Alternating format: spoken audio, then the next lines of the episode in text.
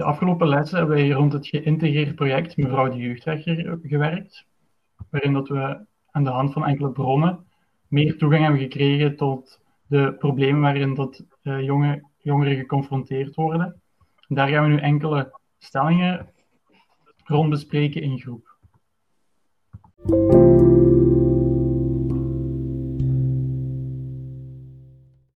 De eerste stelling is: uh, begrijp je Elvire, de mevrouw die euthanasie wil plegen? Oh. Zo ergens toch wel. Omdat ja, ze leeft dan met voortdurende pijn. Dat is al helemaal niet gemakkelijk. En zeker als daar dan ook constant negatieve en slechte gedachten tussen zitten. Mentale pijn is eigenlijk, je kunt dat, veel mensen vinden dat anders, maar mentale pijn is even erg als fysieke pijn. Dat maakt u zelf eigenlijk ook kapot. Dus ik snap haar keuze inderdaad wel. Ja, ik snap haar keuze ook helemaal, omdat er bestaat zoiets als het biopsychosociaal model. Dat is een soort cirkelmodel. Uh, en daarin hangt het sociale samen met het mentale met het, en met het fysieke. Dus als je fysiek pijn ervaart, uh, dan ga je mentaal ook pijn ervaren en gaat je sociaal contact iets naar beneden. Um, en zo hangt dat altijd samen. Dus ik begrijp Elvire volledig. Ik sluit mij ook aan bij de mening van Danny en van Eline. Um, ik begrijp Elvire daarom ook volledig, want voortdurend leven met pijn is niet rechtelijk. Iedereen heeft zijn eigen rugzak op zijn rug en het is niet altijd evident om te begrijpen wat iedereen heeft meegemaakt. Persoonlijk vind ik het daarom ook heel goed dat euthanasie voor psychisch lijden mogelijk is. Dat, dat er een meer vreedzame manier is om uit het leven te stappen. Goh, ik heb het er persoonlijk een beetje moeilijk mee, omdat uh, ik, snap, ik snap die vrouw volledig. Hè. Ze heeft pijn, uh, mentale gezondheid, dat is ook iets waar dat, ja, dat is even zwaar als dat je bijvoorbeeld kanker hebt misschien, of weet ik veel wat. Maar ergens vind ik het erg dat een mens die wel kan leven, kiest voor dood te gaan, terwijl een mens die echt ernstig ziek is en nog wil leven, ja, moet sterven. Allee, ja, die kan niet anders. En dat, dat wringt een beetje bij mij. Misschien is dat een eigen ervaring, maar ik vind dat ergens zoiets van, allee, jij kunt leven, jij hebt de keuze voor te leven, maar toch wilt je liever sterven. Terwijl dat sommige mensen die keuze niet hebben. En dat vind ik eigenlijk wel erg. Maar op zich, ik snap haar wel, maar aan de ene kant heb ik het er wel een beetje moeilijk mee. Daar kan ik je zeker aan begrijpen. Ja, ik ook. Ja, inderdaad. Ja, ik zelf vind het ook zo wat dubbel. Zo, zo, ik, ik, ik heb zelf ook nog nooit echt met hele grote psychologische problemen gekampt. Dus het is ook altijd heel moeilijk om daar een, om, om daar een beeld rond te vormen. Wat dat, dat precies is. Oké, je kunt wel voorbeelden aanhalen en wel verhalen horen van andere personen, uh, hoe dat die dat effectief ervaren, dat, die psychische pijn. Maar in tegenstelling tot, tot kanker of, of andere pijnen, uh, zoals ziektes, vind ik het toch moeilijk om daar dan ook nog effectief die euthanasie rond, rond te bespreken.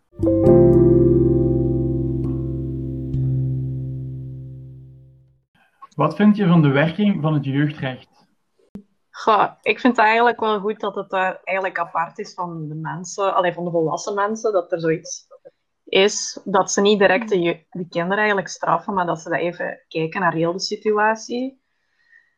Want ja, als ze uh, de kinderen gaan behandelen zoals volwassenen, ik denk dat ze dan eerder in een uh, negatieve spiraal gaan terechtkomen dan dat ze het probleem eigenlijk gaan oplossen dan beschadigen ze de kinderen eigenlijk nog meer, laat het zo zeggen. Want mevrouw de jeugdrechter zei ook in uh, het hoofdstuk dat wij gelezen hebben van het boek, zei ze ook zelf van vaak speelt er ook veel meer af waar dat die kinderen zelf niks aan kunnen doen. Dus kinderen, zoals zij ook zei, kinderen worden vaak ook niet slecht geboren, die worden slecht gemaakt, laat het zo zeggen. Vaak kiezen ze er zelf ook niet voor. Dus ik vind het op zich wel goed dat de meesten dan ook wel kijken naar hoe dat het verder is dan alleen naar wat ze gedaan hebben. Mhm. Ja, daar deel ik uw mening ook volledig wel in. Alleen vind ik het wel een klein dingetje. Uh, vanaf 18 kan je, alleen vanaf dat je 18 bent, kan, krijg je een strafblad. Um, Maar dan zijn de meeste kinderen nog niet volwassen. En daar heb ik het vooral moeilijk mee, omdat ja, kinderen of pubers die reageren vaak heel impulsief. En uh, daarom vind ik het een beetje stom misschien dat er dan al een strafblad is, want dat staat er voor je hele leven op. Of toch voor een groot deel. Is het niet ook zo dat als je 18 wordt of vanaf een bepaalde leeftijd, dat dat ook niet meer zichtbaar is voor bijvoorbeeld werknemers, dat strafblad? Dat dat eigenlijk mhm. verwijderd wordt, maar dat dat wel nog zichtbaar is voor de politie en zo. Dus eigenlijk gewoon geclassificeerd wordt. Ja, ja ik denk het wel.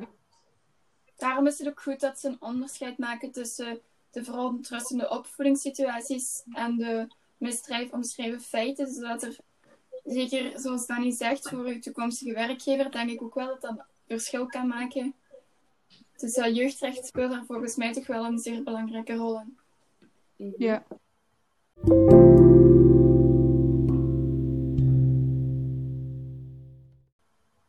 En voor ons als toekomstige leerkrachten is het misschien wel belangrijk dat we daarvan op de hoogte zijn van het jeugdrecht. Wat zouden jullie doen als een leerling in contact komt met het jeugdrecht?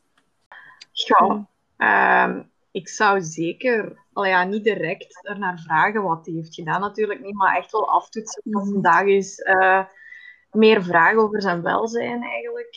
Ehm, ja, gewoon laten zien dat je er bent als leerkracht voor die leerling. Ja. En dat, Zo niet te nieuwsgierig over. Ja, gewoon dat hij weet van, ah, bij die leerkracht kan ik terecht en die wil wel mijn verhaal horen. Of misschien kan ik haar mening vragen of tips vragen of weet ik veel wat. Ja, ook um, wat ik nog dacht is ook zeker geen vooroordeel hebben. Niet die leerling anders gaan behandelen omdat hij een, ja, een jeugdstrafblad heeft of voor het jeugdrecht mislukt of zo. Ook zeker niet anders gaan behandelen, juist daarom. Maar wel begrip tonen voor de situatie ook. Mm Zoals Laura zegt. Er ook voor die leerling zijn. Ja, dat is waar. Misschien kan er ook wel een of ander begrip getoond worden doordat de leerling misschien in samenspraak met de leerkracht daar iets over kan vertellen in de klas als hij dat zelf ziet zitten. Omdat het misschien ook voor de klas een onbekend gegeven is en ze dan misschien een beter inzicht hebben in hoe dat dan gebeurt en waarom dat er zo'n dingen gebeuren. En ja, zo kan de klas daar ook iets van bijleren.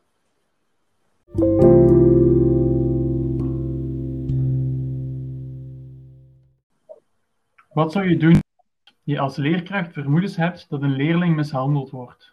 Dat is natuurlijk een zeer ernstige situatie. Um, maar ik denk als je als leerkracht kennis hebt van het jeugdrecht, dat je ongeveer wel weet wat de leerling te wachten staat en dat je hem daar zeker over kan informeren. Maar in eerste instantie lijkt het me belangrijk dat je gaat praten met de leerling. Mm Ja, ik vind het ook heel belangrijk dat er sowieso wel een, een gesprek rondkomt. En als je daar zelf geen gesprek mee kunt hebben met die leerling over uh, een bepaald onderwerp, dat je dan toch zeker laat weten dat ze voor alles bij u terecht kunnen of eventueel bij andere contactpersonen waar ze liever mee babbelen. Um, ik heb zelf ook een gelijksoortige situatie eigenlijk meegemaakt. Um, ik heb een ex gehad die bij mij woonde en af en toe sloeg hij me wel eens. En dan was er één leerkracht waar dat ik wel effectief terecht kwam, kwam eigenlijk. En um, zo andere leerkrachten die gaven daar eigenlijk niet veel om. Die, uh, die deden niks. Die, die zeiden gewoon maak je taken of stel je niet aan zelfs. Dan was er dan toch nog steeds die ene leerkracht die zoiets had van ze heeft het moeilijk, uh, iemand, ze heeft iemand nodig om te praten. En die ene leerkracht is dan ook een voorbeeld.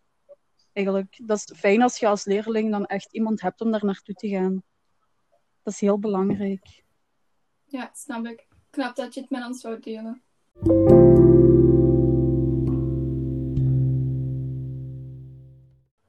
Als die, als die leerling afwijkend zou reageren en, en niet, niet in, debat zou gaan of niet willen vertellen, dat je dan zelf nog, zou je dan zelf nog stappen ondernemen om toch eventueel, ja, of zou je het er dan bij laten, of zou je die persoon toch nog op een andere manier proberen te helpen?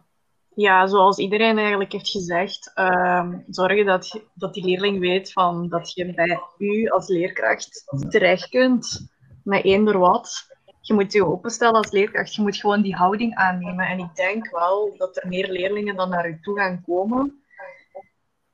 Soms gaat dat je misschien keihard verrassen, maar ik denk als leerkracht, het is al heel moeilijk. Die leerlingen stellen zich niet heel makkelijk op, ook omdat het pubers zijn. Hè, niet vergeten, het zijn pubers. Eh, die Mhm. hebben al moeilijkheden, gewoon met de puberteit. En dan komen er nog al die tierlantijntjes erbij. En eh, ja, ik denk dat je niet meer kunt doen dan je openstellen. En misschien aan de andere leerkrachten zeggen van, kijk, ik denk dat daar iets is, kunt je daar ook op letten. Als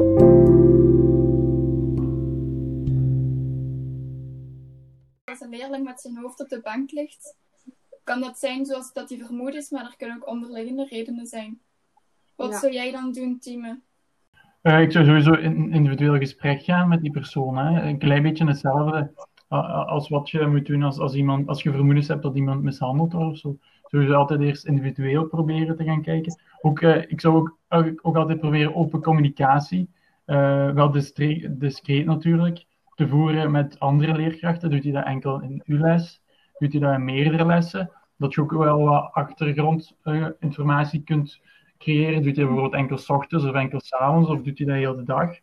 Um, dat je eerst concreet wat informatie verzamelt over die persoon zelf en die dan, dan op aanspreken.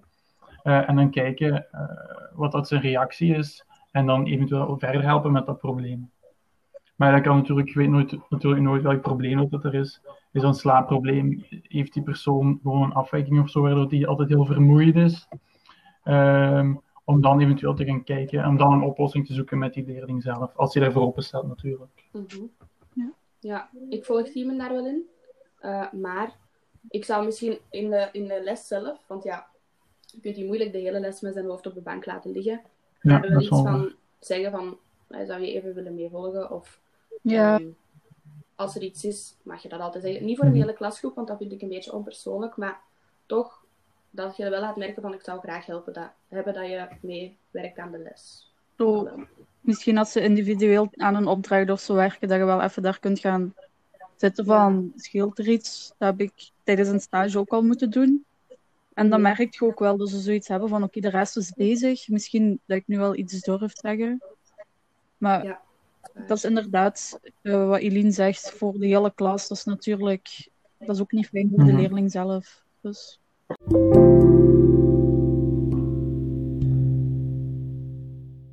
komen we bij de laatste vraag. Wat hebben we nu geleerd uit dit geïntegreerd project? Ja, je openstellen als leerkracht. Dat is denk ik uh, het eerste en het belangrijkste ook. Um, en veel dieper kijken dan, dan dat je ziet eigenlijk.